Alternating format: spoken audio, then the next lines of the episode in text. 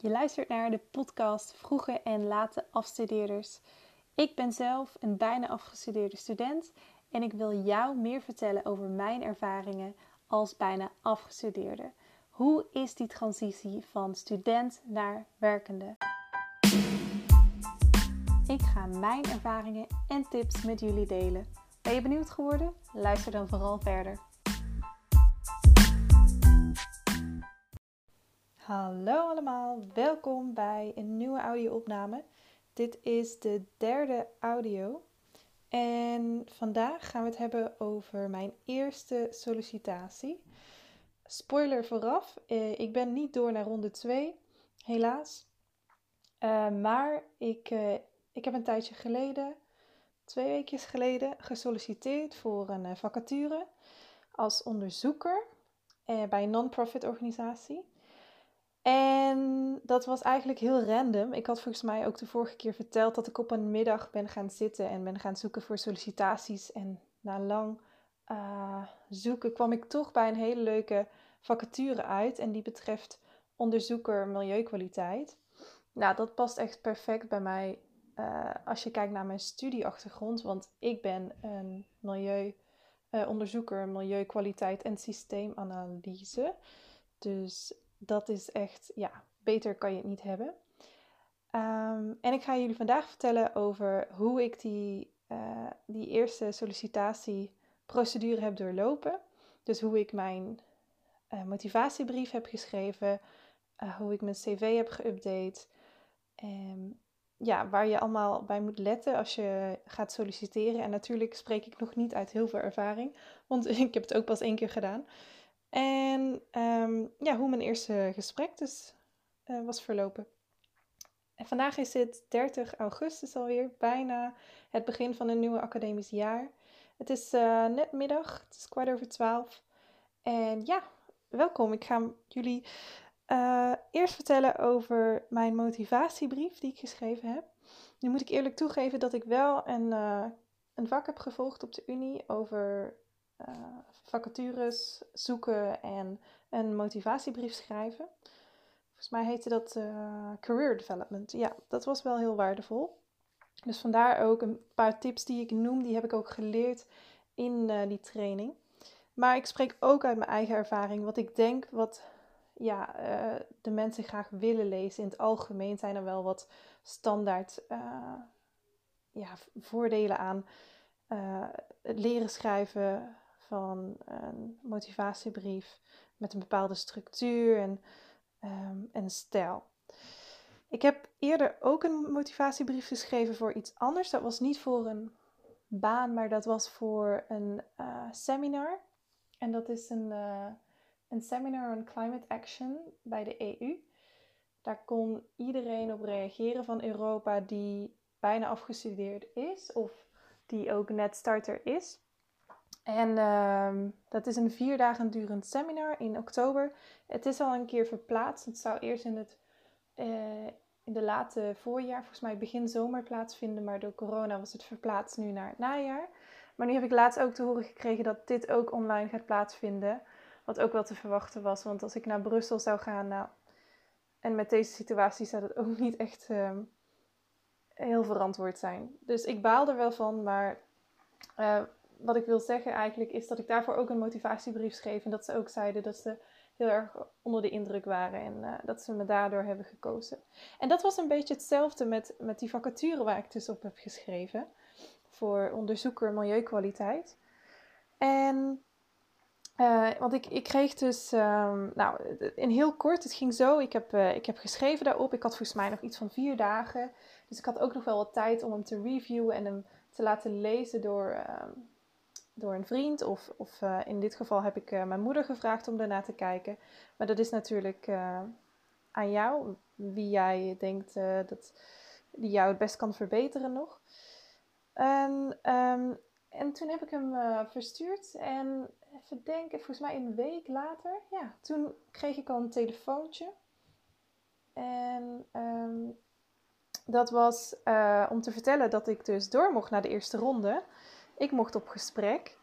En het gesprek zou live plaatsvinden, dus ik mocht naar de locatie. Maar heel stom, ik had de dag daarvoor, had ik net een vlucht nog geboekt naar Portugal. Want ik zou nog met mijn vriend daar naartoe gaan voor een kleine vakantie.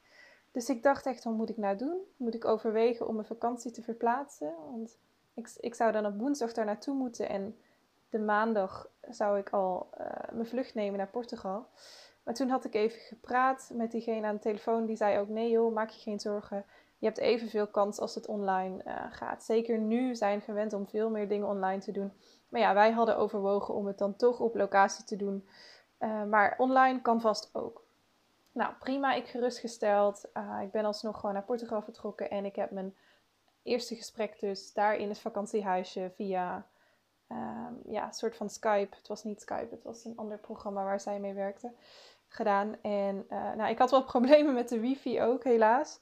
Vooral, ik had twee gesprekken bij het eerste gesprek en toen ben ik bij het tweede gesprek overgestapt naar mobiel internet. Dus dat is al een tip. Als je het online doet, zorg ervoor dat je stabiel en goed werkend internet hebt. Dus hè, uh, gebruik uh, daar eventueel je mobiel internet voor. Het is het waard, want het kan je zomaar een baan opleveren.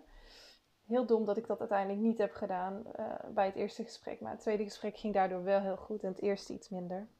En daarna, uh, en nog een week later, uh, hebben ze me weer opgebeld. En ze begonnen eigenlijk met, ja, we waren heel erg onder de indruk van je brief. En het gesprek ging ook heel goed. En dat verbaasde me wel, want ik dacht eigenlijk dat het gesprek niet heel goed ging. Dus dat gaf me hoop. Hij was heel positief. En, maar, en toen dacht ik, ah shit, ik heb hem toch niet gekregen. Nou, maar uh, ja, we moeten afwegingen maken, zei je. Dus uh, we hebben toch niet voor jou gekozen, maar voor twee andere kandidaten. Nou, toen, toen baalde ik wel aan de ene kant. Ik dacht, ah, hè, ik ben het niet geworden. En ze lieten niet echt los waarom niet. Maar ja, aan de andere kant dacht ik ook wel van... Nou, er valt weer een druk van mijn schouders. Een last van mijn schouders. Want nu heb ik weer iets meer ruimte en tijd. En ik had aangegeven dat ik vanaf 1 november dan beschikbaar zou zijn. Uh, want dan zou ik afstuderen. Maar ja, nu is die, die druk weer uh, eraf. en nu uh, kan ik me weer volledig focussen op mijn scriptie. En, maar goed, dus dat in het kort hoe het proces is verlopen. Ik ga jullie eerst vertellen over de motivatiebrief. Ik ga jullie vijf tips geven daarvoor. Dan ga ik even kort nog in op de cv. En waar je op moet letten als je gaat solliciteren, nog wat losse tips. Dan iets meer detail over hoe mijn eerste gesprek ging. En aan, aan het einde ga ik jullie vertellen wat ik dus nu ga doen, waar ik nu sta, zonder baan, zonder vooruitzicht daarop. En laten we dus gewoon beginnen met de vijf tips. Nou, ik heb ook mijn motivatiebrief er even bij gepakt. Hij staat hier op de computer voor me. En wat opvalt, is dat hij één pagina is. En ik denk dat dat echt ja, een hele goede tip al is. Van zorg ervoor dat hij niet langer is dan één pagina. Want um, nou, als, ik weet niet hoeveel kandidaten reageren op een vacature. Maar moet je nagaan als jij moet gaan. Als je die allemaal moet gaan lezen en er is eentje tussen die iets korter is. Nou, dan ga je wel met een andere manier of een andere insteek die, uh, uh, die brief lezen. Dan ben je al van nou, dan ga ik hem iets meer in detail lezen. Tenminste, zo zou ik het zien. Dus ik zorg er altijd voor dat hij gewoon één pagina is. En ja, gewoon wel formeel beginnen met eerst je naam en je adres. En dan uh, waar je hem naartoe stuurt, de heer of mevrouw, de naam met uh, de meer informatie wat de functie is en, en waar die functie gelegen is. Dan de datum en dan het onderwerp. En dan kan je beginnen met geachte heer, puntje, puntje, puntje. Um, dus dat, dat is het eerste wat opvalt. En mijn eerste tip is, voordat je gaat schrijven, wees, um, wees zelfbewust. Dus ken jezelf. Je moet wel weten wat jouw competenties zijn. Dus ik zou iedereen aanraden, ga een persoonlijkheidstest doen. Die zijn er echt heel veel online. En ja, weet je, het klopt niet 100%, maar je herkent wel heel veel uh, competenties. En je weet dan ook de goede benaming daarvoor. Uh, ben je analytisch? Ben je uh, resultaatgericht? Ja, weet je, dat soort woorden, die moet je vinden. En die moeten, ja, daar kun je ook een lijstje van maken voor jezelf. Dan weet je dat ook voor de, de toekomst. als je een, weer een nieuwe motivatiebrief gaat schrijven, dan kan je altijd die termen erbij pakken. En dan kijken wat, ja, wat in deze brief te gebruiken is. Eh, maar ook vooral, dus naast die persoonlijkheidstest, vraag je familieleden of je vrienden. Maar voor mij helpt het het meest om mijn familie te vragen van hoe ben ik? Of hoe was ik? Of hoe ben ik veranderd? En dan zijn ze hopelijk heel eerlijk naar jou. Van nou ja, dit, dit is echt wat heel goed is aan jou. Of dit is wel een, een zwak, zwakte punt. En uh, dan heb je toch een beetje een uitzoomperspectief van mensen ja, die, die ietsjes verder van je afstaan dan, dan alleen jijzelf. En dat moet je niet negatief opvatten. en natuurlijk kan je het er ook niet mee eens zijn. Maar mij heeft het wel enorm geholpen om ook mijn, uh, ja, mijn sociale leven of mijn, mijn, uh, de manier hoe ik als persoon thuis ben, uh, te linken aan de persoon die ik ben in meer een professionele omgeving. Dus doe die test en vraag je familie om feedback. Dus ken jezelf. En tip nummer twee. Dan moet je de match gaan zien tussen die persoonlijkheden die jij hebt en uh, de studievaardigheden die je hebt opgedaan en de functie-eisen. Dus kijk even terug in de vacaturetekst. Wat zijn de functie-eisen en hoe ga je die linken met jouw eigen competenties? En als de vacature is die je aanspreekt, dan zul je ook makkelijker zien dat er heel veel matches zijn. Natuurlijk niet allemaal, want er zijn ook uh, gaps. Ja, er zijn ook dingen die je nog niet weet of die je nog niet beheerst. Maar dat kan je weer noemen als iets waar je nog over wil uh, leren of waar je aan wil gaan werken. Uh, of een skill die je nog niet helemaal bezit. Dus zoek die match. Die match moet er wel echt zijn, want anders heb je heel veel moeilijkheden om die brief te schrijven. En als jij die matches al vooraf op papier hebt gezet, dan kan gewoon dus met aan de linkerkant de competenties die jij hebt en dan aan de rechterkant de competenties die de vacaturetekst vraagt, dus de functie-eisen. En dan ga je matchen en dan zeggen met een klein woordje van waarom is dat dan zo? Of waar heb je dat geleerd? Of is dat dan je professionele omgeving, dus op de studie, of was dat in de thuissituatie? Tip nummer drie. Ehm, je moet ervoor zorgen dat de vacaturetekst echt in je hoofd zit. Dus ik heb ook vooraf die tekst, nou, ik denk wel vijf keer doorgelezen. En zelfs een beetje gehighlight met wat me echt heel erg aanspreekt of wat heel goed bij mij past. Want uiteindelijk um, kijken ze daar het meest naar. Wat is echt de overeenkomst tussen uh, de vacaturetekst en jij? En je kan echt letterlijk gewoon de woorden gebruiken die ze in de vacaturetekst gebruiken. Dus als zij zeggen, uh, we willen dat je beschikt over sociale vaardigheden, nou dan zegt het ook gewoon, ik heb goede so sociale skills of vaardigheden, want, en dan ga je dat uitdiepen. Dus uh, lees die tekst door, heb hem ook bij de hand als je je motivatiebrief aan het schrijven bent en kijk terug, heb ik alles, hè, of uh, ja, niet alles, maar de belangrijkste punten. Zorg ervoor dat, dat die link er is. En dat is weer een mooi bruggetje naar tip 4, um, ehm, de opbouw van de brief.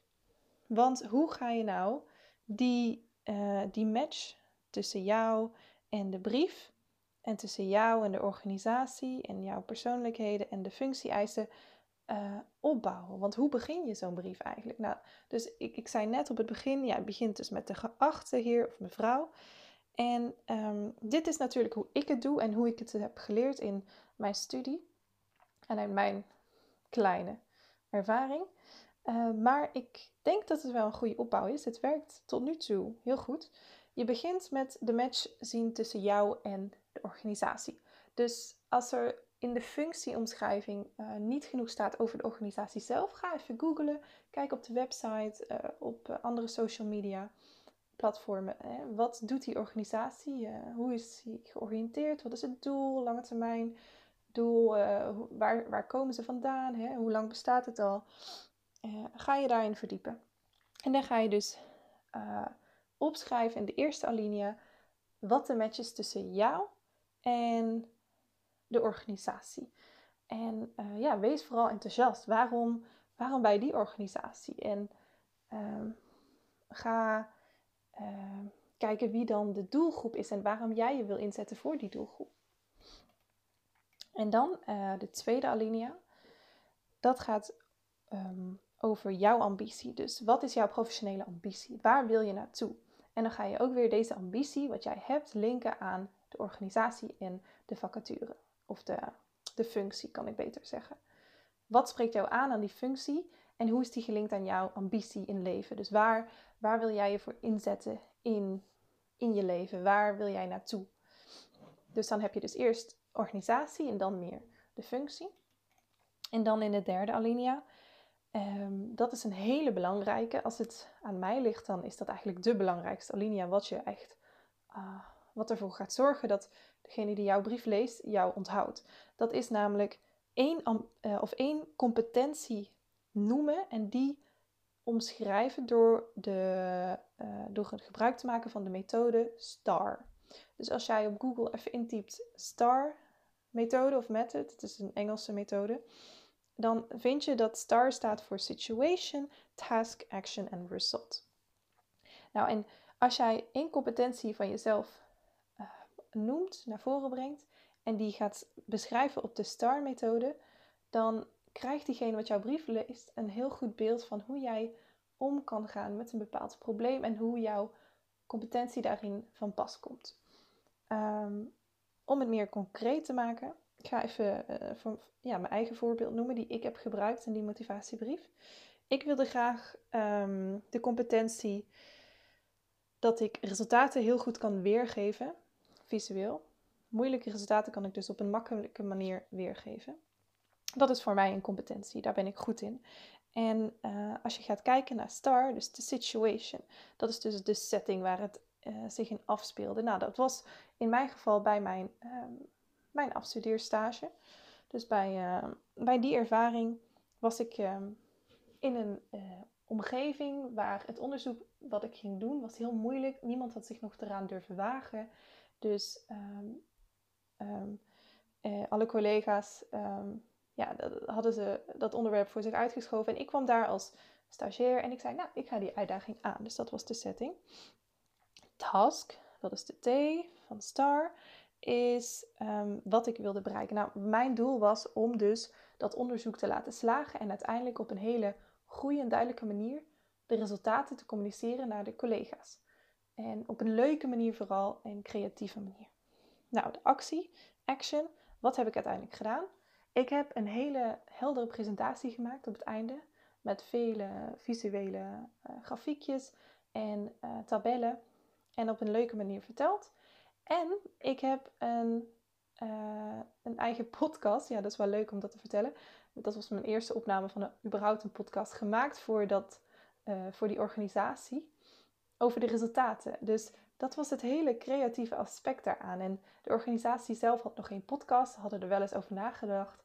En ik had ze daarover horen praten in de lunchbreaks en de coffeebreaks.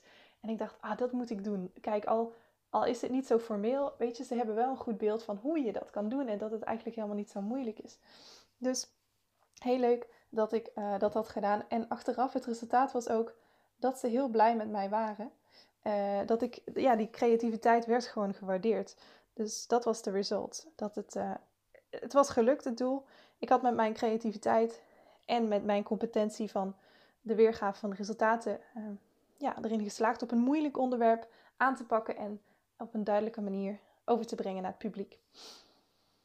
En dan even kijken, dus dan in de opbouw hebben we dus eerst organisatiematch, dan je functie uh, match, dan de één competentie uitdiepen met de STAR method en als laatste ja, die is een beetje open. Je kan er al gaan afsluiten. Het ligt eraan hoe groot je andere paragrafen waren. Maar ik had nog wel wat ruimte over. En ik heb daarin nog andere competenties genoemd. Dus die ik ook zag in de functieomschrijving. Uh, en die ik zelf ook heb. En die gelinkt met elkaar. Dus uh, dat ik breed georiënteerd ben, had ik genoemd. Uh, en dat had ik dan weer gelinkt aan mijn ervaring in het buitenland. En mijn skills die ik ook heb, de praktische skills. Dus dat ik kan werken met Excel en dat ik nu R aan het leren ben. Um, analytisch onderzoeker. Dus alles komt ook weer een beetje bij elkaar. Je kan ook het gebruiken als een soort van samenvatting. En als laatste heb je de afsluiting. Dus dat je graag op gesprek wilt gaan natuurlijk. Vergeet die zin niet. Het is een saaie zin, maar hè, je moet wel duidelijk laten merken dat jij open staat voor een gesprek. Waarover je meer kan vertellen over jezelf. Dat was tip 4. Laatste tip. Nou, dat is.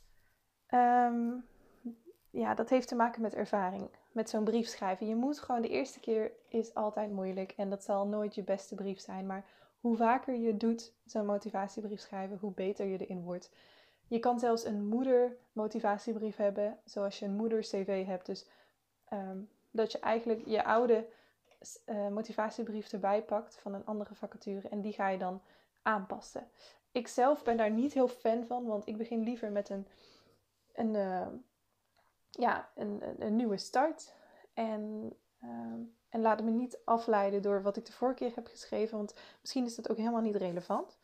Maar ja, je kan hem wel gewoon erbij pakken om te kijken van hoe ging het ook alweer en wat had ik toen voor een opbouw gebruikt en wat werkte wel, wat werkte niet. Ja, dus geef het tijd, schrijf gewoon een paar keer een motivatiebrief. Ook nu als je nog niet het zoeken bent uh, naar vacatures of naar een baan, ga gewoon een, uh, een test doen, ga een vacature uitzoeken. Um, en ga ervoor schrijven, weet je, gewoon hypothetisch. En laat hem lezen door iemand. En uh, ontvang er feedback op. Dus dat is een hele leuke oefening. Nou, dat waren de vijf tips over de motivatiebrief. Ik hoop dat je er iets aan hebt. Um, dit is dus hoe ik het doe en wat werkt voor mij. Ik krijg er altijd veel positieve reacties op. Dus vandaar ook dat ik dit met jullie wil delen. En dan gaan we door naar de CV, heel kort. Um, wat ik belangrijk vind, is dat de stijl van de CV overeenkomt met de stijl van je motivatiebrief. Dus ik heb bijvoorbeeld uh, soms, soms een blauw lettertype gebruikt. Nou, dan komt dat ook weer een beetje terug in mijn motivatiebrief. En sowieso het lettertype is, dezelfde, is hetzelfde. Welke heb ik hier gebruikt? Even kijken. Times. Nou, times 10. Nou, dan zorg ik ook voor dat in mijn cv times 10 wordt gebruikt. Dat is wel zo netjes. En natuurlijk de opbouw van, van een cv, dat is heel persoonlijk. Ik heb zelf een Word template gebruikt. Maar ik weet ook dat er een Europass template is. Dus dat is uh, geschikt wel als je bijvoorbeeld op EU-schaal gaat werken of als je iets professioneler, uh, internationaal een baan zoekt, dan, uh, dan komt die wel van pas. Want die heb ik dus ook gebruikt, die Europass template, voor de applicatie van het seminar, EU-seminar. En ik denk dat dat wel gewaardeerd wordt. En je kan die template vinden via euro.eu slash Europass. En dan kan je een, uh, een gratis account aanmaken en dan uh, kan je ook een motivatiebrief trouwens, template daar vinden. Heel handig. En wat ik nu, wat nu helemaal hip is bij de CV natuurlijk, is iets over jezelf vertellen nog. Dus niet alleen puntsgewijs al je ervaringen en achtergronden vertellen. Maar ook een stukje over mij, noem ik dat dan. Dat is direct onder mijn, uh, mijn foto heb ik zo gewoon een kleine alinea, echt maar 100 woorden of zo, uh, geschreven over nou, hoe bijvoorbeeld eh, vrienden mij zien als persoon. Of waar ik naartoe wil. Of vanaf wanneer ik kan gaan werken. Dus daar kan je alles in kwijt wat je wil. Maar ik vond het leuk om te vertellen hoe dus een collega mij in de werkvloer ja, zou, zou, uh, ja, hoe ik zou zijn als collega. Dat uh, geeft ook wel een leuk persoonlijk aspect. Dat over de cv. En dan, um, ja, waar, waar ik ineens verbaasd over was, is dat bij mijn vacature stond van let op, je moet dit, deze brief moet je digitaal opsturen via digitale sollicitatieformulier. Ik dacht altijd dat het gewoon via e-mail ging, maar het kan dus op vele methoden. Ik weet ook nog niet hoe ze hoe ze het allemaal, uh, wat ze allemaal aanbieden. Maar let goed op hoe je je sollicitatie instuurt. Dus of online, uh, via een digitaal formulier, of dus via de website, of misschien via een e-mailadres of uh, iets anders. Ik weet niet wat allemaal mogelijk is. Dus let daarop dat je, als je je brief en je cv klaar hebt, dat je hem op de juiste manier via het juiste medium verstuurt. Um, wat ik laatst had gehoord, trouwens van mijn zus, die zei van... Um, ja, als je echt een goede indruk wilt maken, dan kan je zelfs ook vooraf even bellen. Want er staat altijd dus een contactgegevens van degene die, um, ja, die alles regelt met de cv en de applicatieprocedure. Um, je kan even bellen voor meer informatie. Zorg dat je wat vragen klaar hebt. En dat wordt echt gewaardeerd. Dat je al een keer je naam hebt laten vallen. En dat wist ik niet. Ik dacht, nou, dat zal wel irritant zijn als iedereen ook nog gaat bellen vooraf. Maar dat doen dus blijkbaar niet veel mensen. Dus als je vooraf ook nog even belt met een leuke vraag, uh, nou, dan onthouden ze je toch al. Dat werkt, dat werkt wel zo. En dan heb je al een goede indruk achtergelaten. Dus doe dat vooral, als dat mogelijk is. En dan nog kort, ik wil niet meer heel lang praten, want ik zit al bijna op de 25 minuten. Maar natuurlijk wat wel uh, leuk is om te vertellen, is hoe mijn ervaring was met dat eerste gesprek. ik was dus, ik had een telefoon gekregen en telefoon ehm, telefoontje gekregen en die zeiden, nou, je mag dus op gesprek. Wauw, wauw, wauw. Ik was zo enthousiast. Ik reageerde ook heel informeel, weet ik nog. Ik zei nog, oh wat tof, dankjewel. En toen dacht ik al, oh Iris, ik moet echt gaan werken aan mijn formele skills.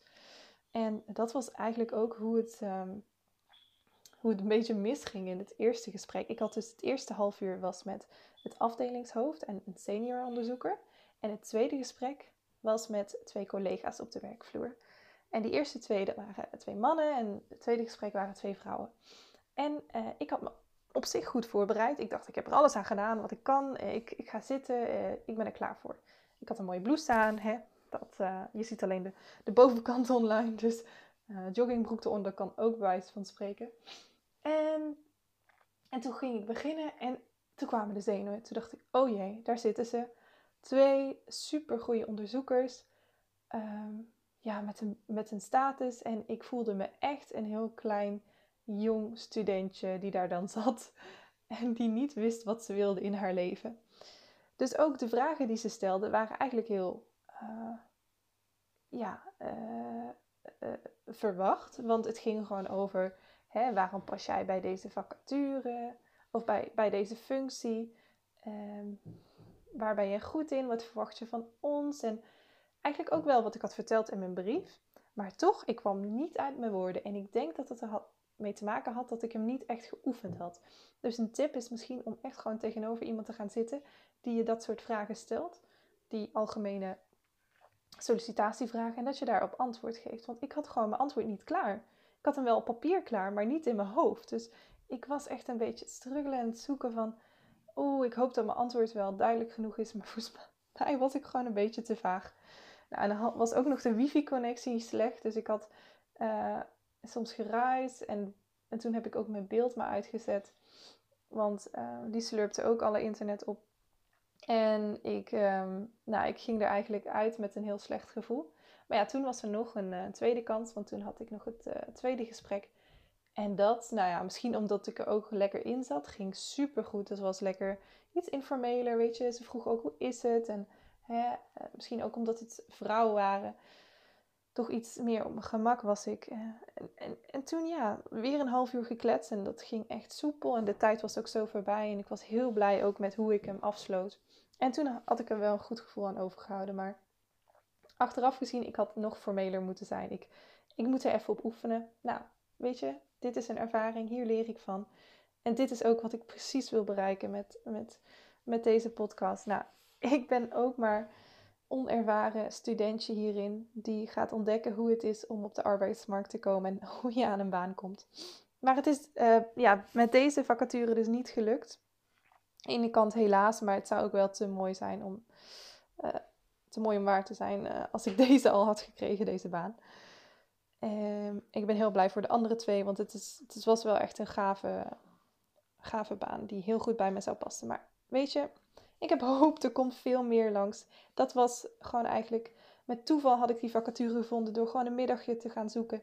En als ik binnenkort weer zo'n middagje ga zitten, nou dan vind ik vast wel weer iets nieuws. Gewoon mijn ogen open houden en dan komt het wel goed. Ik weet nu al meer op welke zoektermen ik moet gaan zoeken met uh, vacatures. Daar wil ik een andere keer wat over vertellen. Dus hoe zoek je vacatures? Maar daar ga ik over praten als ik iets meer ervaring heb. Um, als aller allerlaatste wil ik nog even vertellen wat ik nu ga doen. Dus um, het is bijna september. Het uh, schooljaar begint weer. En ik sta nog ingeschreven als student, want ik ben mijn thesis nog aan het afronden. Naar verwachting gaat die uh, afgerond worden in november. Dus uh, dat gaat wel goed komen. Maar ik ben parttime maar bezig. Want 15 uur per week ga ik vanaf volgende week besteden aan een training sociaal ondernemen in Nijmegen ja, ja, iets heel anders. Ik, uh, ja, dat kwam ineens op, op mijn pad. Via Instagram zag ik in advertenties. Het is uh, van Starters for Communities. En ik heb uh, eergisteren een intakegesprek gehad. En dat was gewoon heel, heel handig. Ik, ik werd helemaal enthousiast van het programma. over dus sociaal en duurzaam ondernemen. je krijgt één keer per week één trainingsdag met theorie. En dan die andere 8, 9 uur die ga je besteden aan het in de praktijk brengen met wat je geleerd hebt. Je wordt gekoppeld aan een bestaande start-up. En dan ga je in een team werken aan, aan een probleemstelling. En ja, dat lijkt me echt heel leuk, want ik mis dat praktische. En ik vind het heel leuk dat ik ook naar Nijmegen kan gaan met mijn auto. Dus dat ik even de deur uit ben en niet steeds op mijn kamer achter mijn bureau zit. Dus ik ga parttime mijn thesis doen en parttime die training. En eigenlijk is dat voor nu ook wel genoeg, denk ik. En dan vanaf november iets meer tijd, want dan ga ik afronden met mijn studie. En dan kan ik misschien parttime een baan vinden. Maar ik denk dat ik door die training ook wel heel veel nieuwe ingangen ga ontdekken. Dus dan komt vast wel iets op mijn pad waarvan ik denk, ja, daar ga ik me voor inzetten. Dit wordt een baan. Dit kan iets opleveren. Uh, en anders ga ik gewoon weer zoeken naar vacatures en uh, we will see. Dus um, ja, dat is mijn plan voor nu. Gewoon beginnen met die uh, training. Kijken hoe druk het gaat zijn. En als ik nog veel tijd over heb, nou, dan kan ik daar daarnaast nog iets anders gaan doen. Nou, dan gaan we afsluiten. Ik, uh, ik vond het heel leuk om hierover te praten. Dit is eigenlijk ook een goede reflectie voor mezelf over de hele eerste sollicitatieprocedure. Heel leuk uh, dat ik dit heb opgenomen en ik hoop dat je er iets aan hebt gehad. Um, als ik weer een nieuwe sollicitatie heb, dan ga ik daar natuurlijk ook over vertellen. Voor nu uh, voorlopig even geen sollicitatie. Um, het gaat weer beginnen september. De zomer is voorbij, helaas, maar het was wel een hele mooie zomer, ondanks corona. Laten we hopen dat het uh, de komende tijd stabiel blijft, dat, het niet nog, uh, ja, dat we niet in een lockdown gaan en dat we gewoon kunnen blijven reizen naar andere landen. We zullen het gaan zien. Uh, nu is het bijna lunchtijd, dus dat ga ik doen, lunchen. En ik ga vanmiddag nog um, naar mijn oude kamer, want daar heb ik nog wat spullen staan, wat meubels die ik moet verhuizen.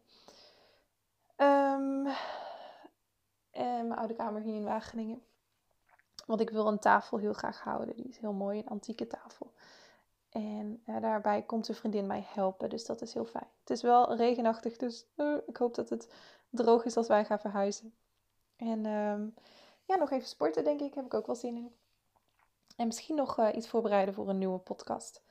Ik ga in ieder geval volgende week ook vertellen over mijn ervaring met mijn training vanaf volgende week. Dus uh, daarover meer uh, volgende week. Nou, dankjewel voor het luisteren en tot de volgende keer.